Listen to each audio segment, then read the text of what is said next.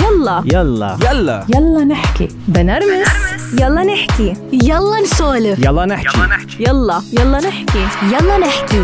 مع آمال وجريس. آمال وجريس. أغلبية الناس بتتعرض لصدمة قاسية بحياتها وهيدي الصدمة بسموها التروما. وهيدي بتعيش مع الشخص بكل مراحل حياته وبتحدد الواقع تبعوله كل أيامه اللي جاية. نحن بنتعرف على ناس كتير بيكونوا قاسيين القلب وحتى ما بيعترفوا بحبهم. وناس كتير ما بتشعر بالتقدير الذاتي وبتضلها حاسة بإحساس النقص. وهيدا الشعور هو بناء على صدمة قاسية تعرضوا إلى في سن الطفولة المبكرة. منشان هيك كل إنسان بيتعرض بحياته لتروما وحدة أو أكتر. وبناء على هاي الصدمات اللي بيواجهها بيتم تحديد تفكيره ونوعية الأفكار يلي بيحملها وبالتالي بتأثر على تعامله مع الآخرين وحتى مع نفسه. مشان هيك هيدي التعاملات بتنعكس عليه وبتخلق له علاقات غير صحيحة مع الآخرين وبيعيش طول حياته باضطراب عاطفي ونفسي لحد ما تروح التروما اللي موجودة سواء كانت راحت لوحدها أو بمعالجة من آه، أشخاص مختصين مختصين. بهالمجال. اليوم حلقتنا عن التروما. أو الصدمة النفسية. وعنا آه، قصة آه، تجربة واقعية كتير مؤثرة القصة. وكيف أثرت عليهم وعلى ح- حياتهم من الطفولة لهلأ. يلا نحكي. يلا نحكي. يلا نحكي. يلا نحكي. مع آمال وجريس. مع آمال وجريس. خلونا نعرض عليكم هالقصة اللي كتير مؤثرة. ورح تنحكى آه، من قبل أختين. وحدة منهم عاشت هيدول الأحداث ووحدة منهم خلقت من بعد هالتروما هيدي. خلونا نسمع القصة سوا ونعرف التفاصيل. أه بدي أحكي شوي عن حياتي الشخصية. أكسيدان صار معنا بالعيلة. أنا هلأ عمري ستة وخمسين ووقت الأكسيدان أه صار مع خيي صغير كان عمره أربع سنين وأنا كنت بعمر السبع سنين. كنا مصيفين آه، عند التيتا بالجبل. سو كانت عاملة هي حليب سخن وحطته بزاوية المطبخ. ما سمعت غير صريخ وبكي ويا دلي شو صار. وما لقيت حالي غير وقفت قدام منظر آه، يعني لا أحسد عليه حاملينه لخي وكان هو وقع بالحليب السخن وكل لحمه راح منه وعم بيصرخوا ويبلولوا بده ياخدوه على المستشفى. منظر آه، ما كنت أفهم شو هو هالمنظر بالنسبة لعمري سبع سنين. بس بكي وصريخ وصرت أبكي أنا أبكي أبكي وما أعرف ليش عم ببكي. واكيد اخذوه راحوا فيه على المستشفى بس أنا يلي عرفته إنه ما لحقوا المستشفى. كان هو توفى على الطريق. كانت آه، ماما عمرها بهيدا الوقت يمكن بالأربعة وعشرين. ما بتذكر غير إنه كنت دايما اسمعها عم تبكي. وما كنا بفتكر نحكي بالموضوع. لو كنا نحكي بالموضوع يمكن كانت طلعت هي من هال من هالعقدة يلي فكرت حالها إنه عق... إنه هي سبب الأكسيدان. وأكيد بهيداك العصر كانوا يلوموا المرأة على طول إنه حق عليها. بس مؤخرا هلأ بهيدا العمر أنا سألتها للماما إذا كان بيي يلومها قال أبدا. ما كان يلومها كان واقف حدا ويقول لها خلاص وهي حياتنا.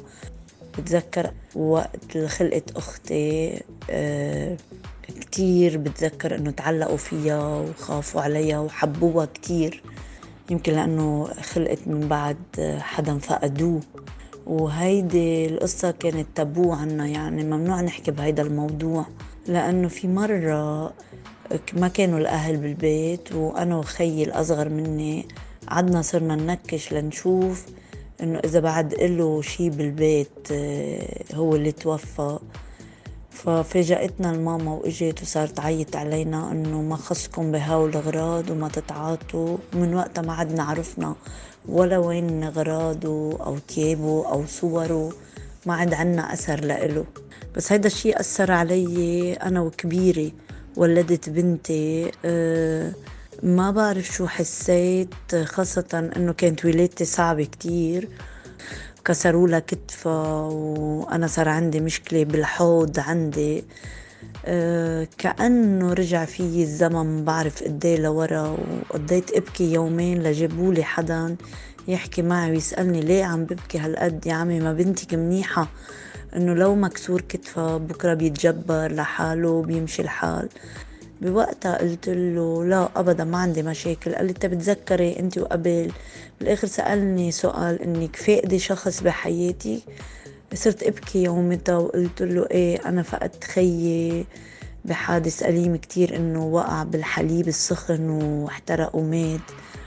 كان عمري سبع سنين وما بعرف إذا هالشي كان مأثر علي.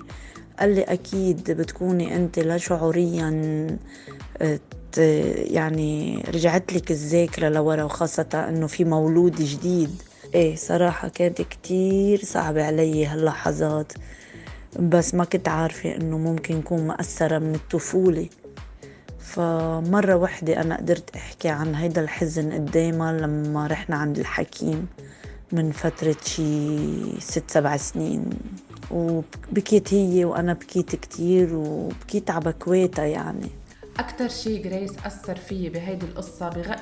غير إن القصة كلها فيها فيها وجع فيها وجع كبير. وجع كتير كبير.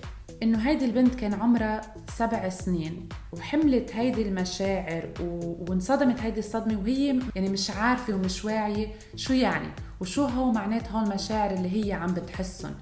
لحتى صارت أم. يعني أنت عم تحكي من سبع سنين عمرها لحتى صارت أم. هيدي المشاعر في جوا مشاعر ما عم تعرف الترجمة ولا عم تعرف شو معناتها. انفجرت لما صارت أم. لما اجى حدا مختص وسألها. وهيدا بيأكد أمل إنه تكوين شخصية الإنسان بيكون لما بيكون عمره بين السنتين والسبع سنين. وكمان الإحصاءات بتقول إنه 95% لما تصير التروما بهالعمر بتبين على عمر كبير. وهيدا سمعناها وشفناها بهالقصة اللي هلأ سمعناها. وشغلة كمان أهم وأهم وهيدي ضروري إنه يتم التركيز عليها جريس لأنها آه، ما قدرت تحكي ما قدرت الأم كانت بوضع كتير صعب ما قدرت تحكي ما قدرت تفسر كان هالشي ممنوع إنه ينحكى فيه. لأنه كانوا بيفكروا إذا أنت بدك تروحي عند حكيم نفساني هيدا شيء غلط. هيدا شيء عيب. مزبوط. لا كانوا يفكروا إنه الإنسان المجنون بيروح عند حكيم نفساني يعني هي عم بتقول إنه اجى لعندها الأخصائي وحكى معها وعبرت عن مشاعرها وارتاحت وتغيرت من صح. بعد ما هي حكت وارتاحت. يعني يمكن ساعة يمكن يوم بس قد غير لها حياتها. يعني تخيلي كل هالسنين لو من الأول نحن أو الجيل اللي قبل أو الأهل بيكونوا واعيين لهالموضوع قد حياتهم بترتاح. تن... إيه طبعا. فهيدا اللي بأكد إنه آه، من زمان عن جد قد كان في غموض. وكان ما في آه، يمكن كانوا بيعرفوا بس كان لأنه عيب وكانوا بيلحقوا دائما هيدي الأفكار. وكانوا يفكروا إنه عم بيحلوا المشاكل بطرق معينة بتقاليد. مزبوط مثل مثلا أمال كنت عم تقولي لي عنهم هلأ من شوي إيه اذكري لنا شوي إيه منهم. آه أنا بتذكر كان ستي عندها آه يعني دائما هي معروفة عند الختياريه اللي زمان عندهم شيء اسمه طاسه الرعبه يعني إذا أنت خفتي بيروحوا بيحطوا بكباية بس ما بعرف ليه هيدي الكباية اسمها هيك. بشربوكي منها إنه خلص راح الخوف. إشياء كثير بيعملوها كانوا. للأسف يعني هي ما لها تفسير ما لها تفسير وشوفي لوين بتوصل. يعني عن جد مثل ما بيقولوا العترة على إنه ما بيعرف ما بيعرف شو لازم يعمل. شو لازم يعمل قد إيه بتأثر على حياته كلها. خلونا نسمع هلا نفس القصة وتأثيرها على البنت اللي خلقت من بعد الحادثة. اللي هي الأخت الثانية الحادثة أنا عرفت فيها تقريبا كان عمري 13 سنة. كنا مصيفين عند ستي وجدي بالجبل. وكنت أنا وأخواتي آه، كتير عم نعذبها للماما وعم نتشيطن وعم نشغل بالها وفي يوم كانت هي كتير متضايقة وعم تبكي وجعها راسها كتير. واصلا وعينا وكبرنا وربينا على الدنيا ونحن بنعرف إنه الماما عندها وجع راس دايم وعندها مشاكل بمعدتها. وبتضلها حزينة وبتضلها تبكي وبتضلها خايفة علينا زيادة عن اللزوم. بقى بهيدا النهار آه، بتاخذني التيتا على جنب وبتخبرني القصة. وبتقلي بدك تروقي انت واخواتك؟ أمك ما بتحمل بقى صدمات ما بتحمل بقى مصايب. هيك صاير معها بحياتها بدكم تنتبهوا لها. صرت لاحظ من وقتها آه إنه الماما إنسانة حزينة. إنسانة تعيسة. آه مش مبسوطة بحياتها عايشة كرمالنا. وبعدين مع إنه من بعدي أنا من بعد الولد اللي توفى خلقت أنا وخلق من بعدي أنا أخت وخي لإلي. أه يعني بس أكيد ما قدرنا ولا يوم ننسيها إياه ولا يوم قدرنا نعوض لها الخساره اللي خسرتها. وأكيد أنا ولا مرة استرجيت أفتح معها هذا الموضوع. بعرف إنه هي ما بتحب تحكي فيه بتهرب منه بتتجنبه. ومنا جاهزة لأنه بعدها لليوم ما طلعت من الصدمة. ماما كانت صبية لما صارت معها هيدي القصة. من وقتها ما واعية عليها وبعرف إنه هي إنسانة عايشة بس لتعيش لتربي ولادها. ما بحياتها فكرت بحالها أو عملت شيء بيبسطها بفرحها. عطول كانت عايشة بحزن وبزعل وبخوف وبضعف. دايما كنت شوفهم فيها لحد اليوم. هيدي الحادثة أثرت علينا كلنا بالبيت كل واحد بطريقة مختلفة. بالنسبة لإلي حملتني ذنب ومسؤولية كتير كبار.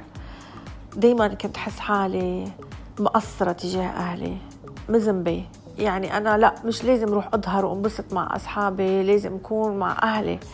مش لازم سافر لازم أكون حدهم لأنه حس مذنبة إذا أنا شي نهار بقصر أو بزعلهم.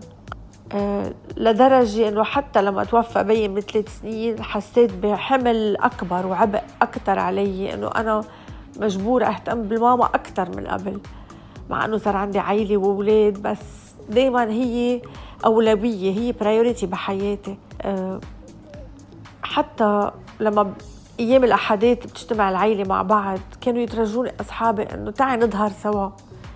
قل لهم لا مستحيل. الأحد هيدا لاهلي ولا ممكن ما اكون عندهم. هيدا الشيء من قلبي عملته. بس عملته كمان لأني كنت حس حالي مذنبة.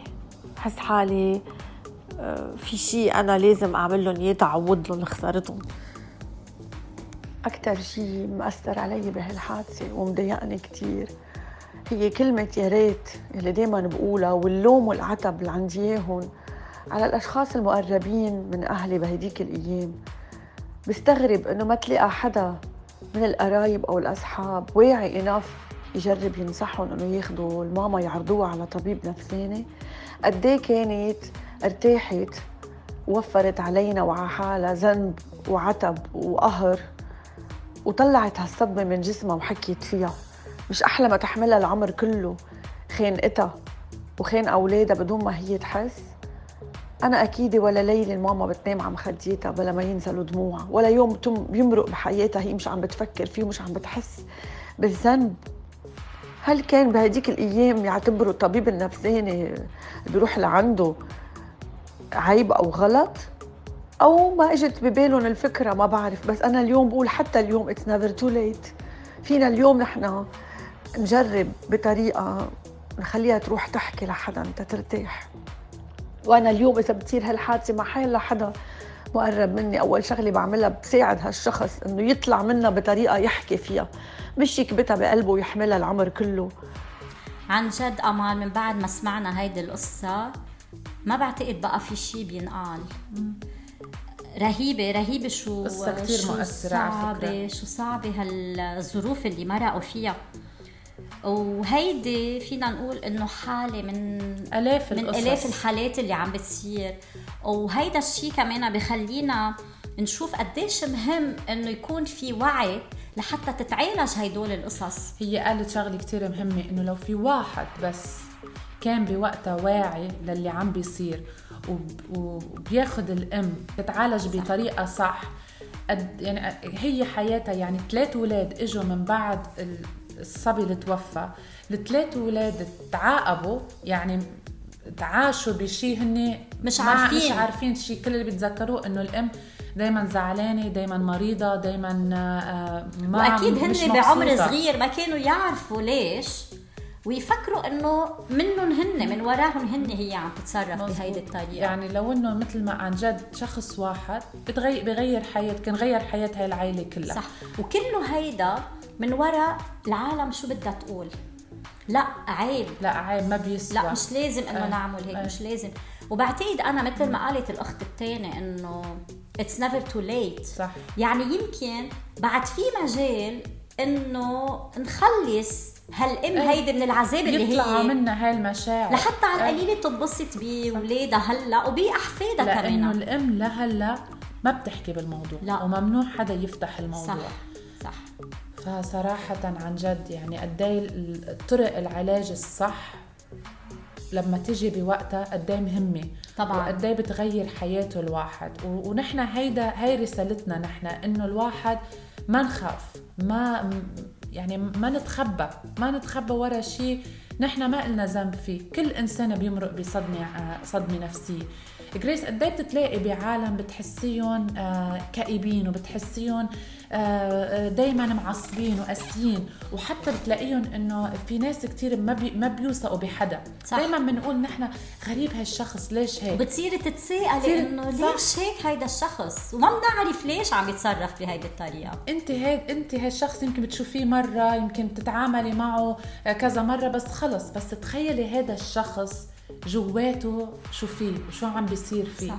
بس نحن لما نبلش نفكر إنه عن جد هيدي هيدي شغلة أنا أنا برأيي هي شغلة علمية يعني بتتعالج بتنحل صح، مية بالمية. إلها حل فليش نحن دائما بنتخبى ورا ورا إصبعنا؟ بنخاف.